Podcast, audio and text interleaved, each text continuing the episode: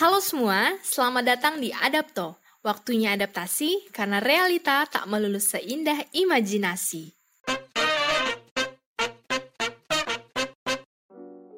Hai kawan Adapto, saya Kiki. Selamat datang di episode Start Your Podcast. Di episode sebelumnya, kita sudah belajar tentang tren dan perkembangan industri kreatif audio digital. Nah, sekarang kita move on ke pembahasan yang lebih dalam, yaitu tentang how to start your podcast. Saya yakin banyak di antara kawan adapto yang sedang mendengarkan podcast ini punya keinginan juga untuk memiliki ataupun memproduksi podcast sendiri. Nah, gimana kita bisa memulai konten podcast? Di episode kali ini, kita akan bahas tentang Dream It. Kita akan membicarakan tentang 5W1H memulai sebuah podcast. Mari kita bahas bersama Mbak Penny Meliati, Huta Barat. Halo Mbak Penny. Halo Kiki. Membicarakan tentang 5W1H, poin yang pertama ini kan why ya Mbak ya. Nah, kenapa kita perlu mulai membuat podcast, Mbak Penny? Di episode sebelumnya, kita bicara tentang berkarya lewat suara. Di episode itu, kita ngobrol tentang tren dan perkembangan industri kreatif audio digital. Sekarang, kita gali lebih jauh tentang platform podcast sebagai salah satu medium audio digital di masa ini. Seperti yang disampaikan Kiki tadi, kali ini Adapto Podcast akan bahas tentang bagaimana Start Your Podcast di episode Dream It 5W1H. Di proses awal membuat podcast, seperti halnya proses berkarya dalam bentuk lainnya, kita perlu punya gambaran kan Ki? Perlu punya imajinasi, dream tentang karya seperti apa yang mau dihadirkan. Kali ini kita menguraikannya dengan formula 5W1H. Yang pertama kita mulai dengan why-nya ya. Ketika kita ingin memulai suatu karya, termasuk saat memulai membuat podcast, kita perlu tanya ke dalam diri why-nya, reason-nya, alasannya. Kelihatannya ini pertanyaan yang sederhana ya Ki. Tapi ini perlu di awal membuat podcast supaya why ini jadi alasan kuat kita menjalankan karya. Kita perlu memahami bahwa kita memulai podcast bukan sekedar karena banyak orang ngelakuin itu, Misalnya karena sekarang lagi tren, kita lihat orang bikin, terus kita bikin juga bukan. Bukan itu alasan kuatnya. Kita perlu punya why-nya supaya bisa mendorong kita berkarya berkelanjutan lewat medium ini. Nah, beberapa teman Ki yang sudah memulai podcast, pernah saya ajak diskusi tentang kenapa sih mereka mulai podcastnya. Ada yang alasannya karena ingin menyampaikan sesuatu yang mereka passionate about berbagi tentang sesuatu yang ditekuninya kepada semakin banyak orang. Atau ada juga yang menggunakan platform ini karena ingin membangun komunitas yang berhubungan sama concernnya dia. Ada pula yang mulai podcast karena ingin melatih keterampilan dalam public speaking, keterampilan berbahasa mungkin. Atau ada juga teman yang berlatar belakang entrepreneur, dia melihat podcast ini sebagai medium tambahan untuk menumbuhkan brandnya. Itu beberapa gambaran why pendorong alasan yang kuat dari teman-teman yang memulai podcastnya. Saya mengajak kawan Adapto untuk memiliki why-nya di awal ketika membuat podcast, supaya jadi pendorong kuat untuk mewujudkannya. Sebagai contoh, ketika saya, Kiki, dan tim memulai podcast Adapto, alasan dan reason why-nya kita memulai Adapto adalah karena punya passion di bidang edukasi. Karena punya perhatian khusus tentang pengembangan diri untuk anak-anak muda. Itu yang menjadi pendorong kuat why-nya kenapa Adapto ingin terus berbagi insight, wawasan untuk belajar dan bertumbuh bersama. Nah, kalau saya boleh bagikan, itu mungkin menjadi contoh kenapa why itu perlu ada di awal.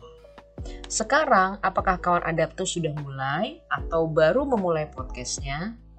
Tanyakan kembali, apa why-nya dalam membuat podcast sehingga punya pemacunya untuk terus bergerak, untuk terus berkarya dan mengembangkan podcastnya. Poin selanjutnya Mbak Penny ini adalah who, yaitu siapa. Siapa audiens dari podcast kita. Nah, saya mau nanya Mbak Penny, bagaimana cara kita bisa mengenali untuk siapa pesan atau konten yang kita buat ini ya, kita bagikan di podcast? Iya, betul Ki. Ini salah satu aspek penting setelah kita tahu why-nya tadi, lalu who, buat siapa nih uh, pesan dan konten yang kita bagikan di podcast sebelum masuk ke situ, uh, saya ingin bagikan ke teman-teman. Voice atau suara itu adalah anugerah. Saya meyakini bahwa suara atau voice kita ini adalah anugerah. Juga cerita atau story, pengalaman, pengetahuan, insight yang kita miliki itu adalah gift ya, anugerah. Pertanyaannya, who do you want to give those gift to? Kepada siapa kita mau kasih gift itu tuh? Hadiah atau anugerah itu? Atau who your podcast for? sehingga kita bisa lebih jelas dan terarah kepada siapakah pesan ini kita tujukan. Kalau di awal kita sudah punya gambaran pada siapa pesan ini dibagikan, itu dapat membantu salah satunya untuk kita menemukan gaya bahasa dan tutur yang sesuai untuk penyampaian konten pada pendengar kita. Misalnya ada suatu podcast yang target pendengarnya adalah untuk anak-anak muda, anak-anak sekolah atau anak-anak kuliah atau untuk topik-topik misalnya tentang pekerjaan untuk para karyawan dan entrepreneur atau ada podcast yang audiensnya untuk para usaha kecil menengah misalnya. Nah, jadi kita perlu tahu kepada siapa konten podcast ini kita bagikan. Seperti halnya Niki, kita belajar komunikasi dan pemasaran. Kita kan juga perlu mengenali ya untuk siapa jasa produk yang ditujukan secara demografis, psikografis. Walaupun saya juga meyakini bahwa podcast yang kita buat nggak selalu untuk mendatangkan keuntungan bagi kita. Tapi berbagi kepada orang lain itu juga hal yang berharga. Kalaupun misalnya podcastnya teman-teman saat ini masih merupakan seperti halnya a dream audio diary gitu, itu pun 100% fine. Karena pesan yang kita bagikan tersebut pada waktunya, dalam tanda kutip, akan menemukan pendengarnya. Kita tadi sudah belajar bagaimana mengetahui alasan dan juga audiensnya tuh siapa ya untuk membuat sebuah podcast. Sekarang kita beralih ke poin what. Apa? Jadi tentang apa gitu ya konten atau materi podcast kita. Itu bagaimana Mbak Pedi cara kita bisa menentukan. Nah, tantangan seru berikutnya dalam memulai podcast adalah tentang what your show is about, what your episode is about. Tentang topiknya nih, Ki. Tidak hanya topiknya tentang apa, tapi ide aktualnya seperti apa, ya kan? Misalnya, Kiki ingin buat podcast tentang film. Jangan berhenti sampai di topik tentang film. Tapi gali bahwa your show di podcast itu misalnya tentang wawancara para insan kreatif di film, baik pada para aktornya maupun insan-insan kreatif uh, di balik sebuah film itu. Atau misalnya podcastmu adalah tentang review film yang membahas new release lalu dipandu oleh dua host yang passionate dengan film. Jadi poinnya adalah uh, topik contohnya film tadi masih ide besarnya. Nah, kita perlu punya ide aktualnya seperti apa supaya bisa membedakan konten podcast kita dengan podcast sejenis lainnya. Dengan kata lain, podcast yang kawan Adapto punya perlu memiliki elevator pitch. Apa itu elevator pitch? Elevator pitch itu seperti narasi singkat tentang konten atau program yang kita buat. Termasuk di dalam narasi itu, kita bisa selipkan siapa target audience, uh, solusi atau value yang kita tawarkan, yang kita bagikan lewat konten atau program kita. Nah, jadi perlu punya elevator pitch sehingga orang punya gambaran, oh ini programnya apa sih, kontennya tentang apa, sehingga mereka punya keingintahuan lebih lanjut untuk mendengarkan. Berarti untuk menentukan konten ataupun materi podcast itu kawan adapto gitu mbak ya perlu menentukan satu dulu topik utamanya, baru nanti di breakdown kira-kira apa yang bisa diaktualisasikan gitu ya. Iya, betul Ki. Bisa jadi isi konten podcastnya beragam. Tapi kan bisa ada satu payung ide besar ya yang mewakili ragam konten di dalamnya. Sehingga orang akan dapat memahami uh, dan mengenali, oh ini nih program dan konten podcast yang relate nih sama gue. Nah, kira-kira seperti itu. Baik Mbak, berarti terus digali Mbak ya idenya sampai dapat satu yang oke nih buat direalisasikan. Poin selanjutnya adalah where, di mana. Nah, Mbak Penny, untuk kita bisa menentukan topik konten podcastnya, kita perlu nih inspirasi, referensi. Kira-kira di mana sih Mbak kita bisa menemukan inspirasi itu? Oke, kita masuk ke aspek ketiga yaitu where ya. Saya jadi ingat, mentor saya dulu pernah bilang, penulis yang baik juga adalah pembaca yang baik. Ini berarti untuk membuat tulisan yang bagus, seseorang juga harus punya asupan bacaan yang baik dan asupan perbendaharaan kata yang semakin bagus lewat apa yang dia baca. Jadi sumber inspirasi kita di saat ini bisa berasal dari buku dan dari ragam sumber inspirasi lainnya seperti juga dari video, film, program-program seni, olahraga, dan banyak lagi kita perlu melihat dan aware uh, dengan sekeliling kita karena inspirasi bisa muncul dari sana. Dalam podcasting yang kontennya cenderung kita menulis untuk telinga ya, karena kita nulisnya tuh untuk didengarkan kan Kiki dan kawan-kawan tuh. Jadi tentu cara bertuturnya agak beda dengan kita menulis dalam bentuk yang lain.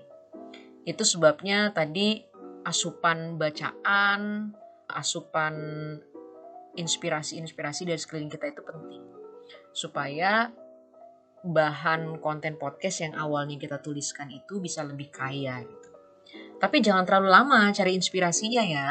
Iringi juga dengan mulai menyusun tulisan, create kontennya juga, supaya nggak terlalu lama menunggu inspirasi datang. Kita learning by doing aja mbak ya, karena waktu kan terus berjalan, jadi ada ide kalau bisa langsung cari waktu untuk bisa dilaksanakan. Iya, dan jangan lupa untuk dituliskan. Karena kadang iya. gagasan banyak kita lupa tuliskan terlewat begitu saja, ya. Jadi menulis merupakan keterampilan yang cukup penting dalam dunia podcast, Ki. Oke, Mbak. Catatan penting yaitu kalau ada ide langsung tulis, langsung catat gitu, Mbak ya. Oke, Mbak Penny, tadi kita sudah bahas why, lalu who, what, dan juga where. Sekarang kita ke poin when, yaitu kapan. Kapan Mbak Penny kita bisa memulai bikin podcast? Kalau saya ditanya kapan, jawabannya adalah start now, mulai sekarang gitu. If not now, tell me when, kapan gitu kalau nggak sekarang ya. Kenapa? Um, karena apabila teman-teman sudah uh, berupaya memulai podcast dengan memahami alasan dan tujuannya kenapa bikin podcast. Tidak sekedar ikut-ikutan gitu ya tapi memang ada uh, why alasan yang kuat. Apakah untuk berbagi pengetahuan dan pengalaman? Kemudian kepada siapa podcastnya ini ditujukan? Apa materi yang akan dibagikan? Dari mana sumber inspirasi kita? Nah itulah waktunya untuk kita mulai dan nanti disempurnakan sambil berjalan. Poin terakhir Mbak Penny ini adalah how. Bagaimana caranya kita bisa berbagi di podcast? Iya, Ki. Di konten-konten podcast berikutnya, semoga kita bisa bagikan lebih dalam tentang gimana memanfaatkan platform podcast untuk berbagi konten gitu ya berbagi pesan. Namun di episode saat ini saya coba highlight yang utama di awal how-nya untuk memulai podcast adalah kita perlu mempertimbangkan ada beberapa aspek yakni waktu, frekuensi, dan energi. Karena berarti kita akan menginvestasikan ketiga hal ini ketika akan membuat podcast dan juga konsisten secara berkelanjutan berkarya lewat platform podcast. Kenapa ini penting?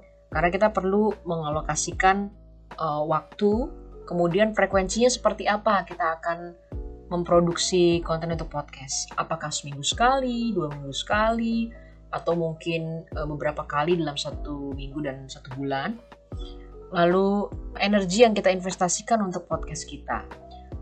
Ini penting sebelum kita masuk tentang teknis bagaimana menggunakan platform podcast supaya uh, podcast kita terus berjalan karena tantangannya Ki ini adalah tantangan yang sama ketika kita memulai suatu karya ya selain podcast yakni tantangannya konsisten berbagi pesan di platform yang kita bagikan.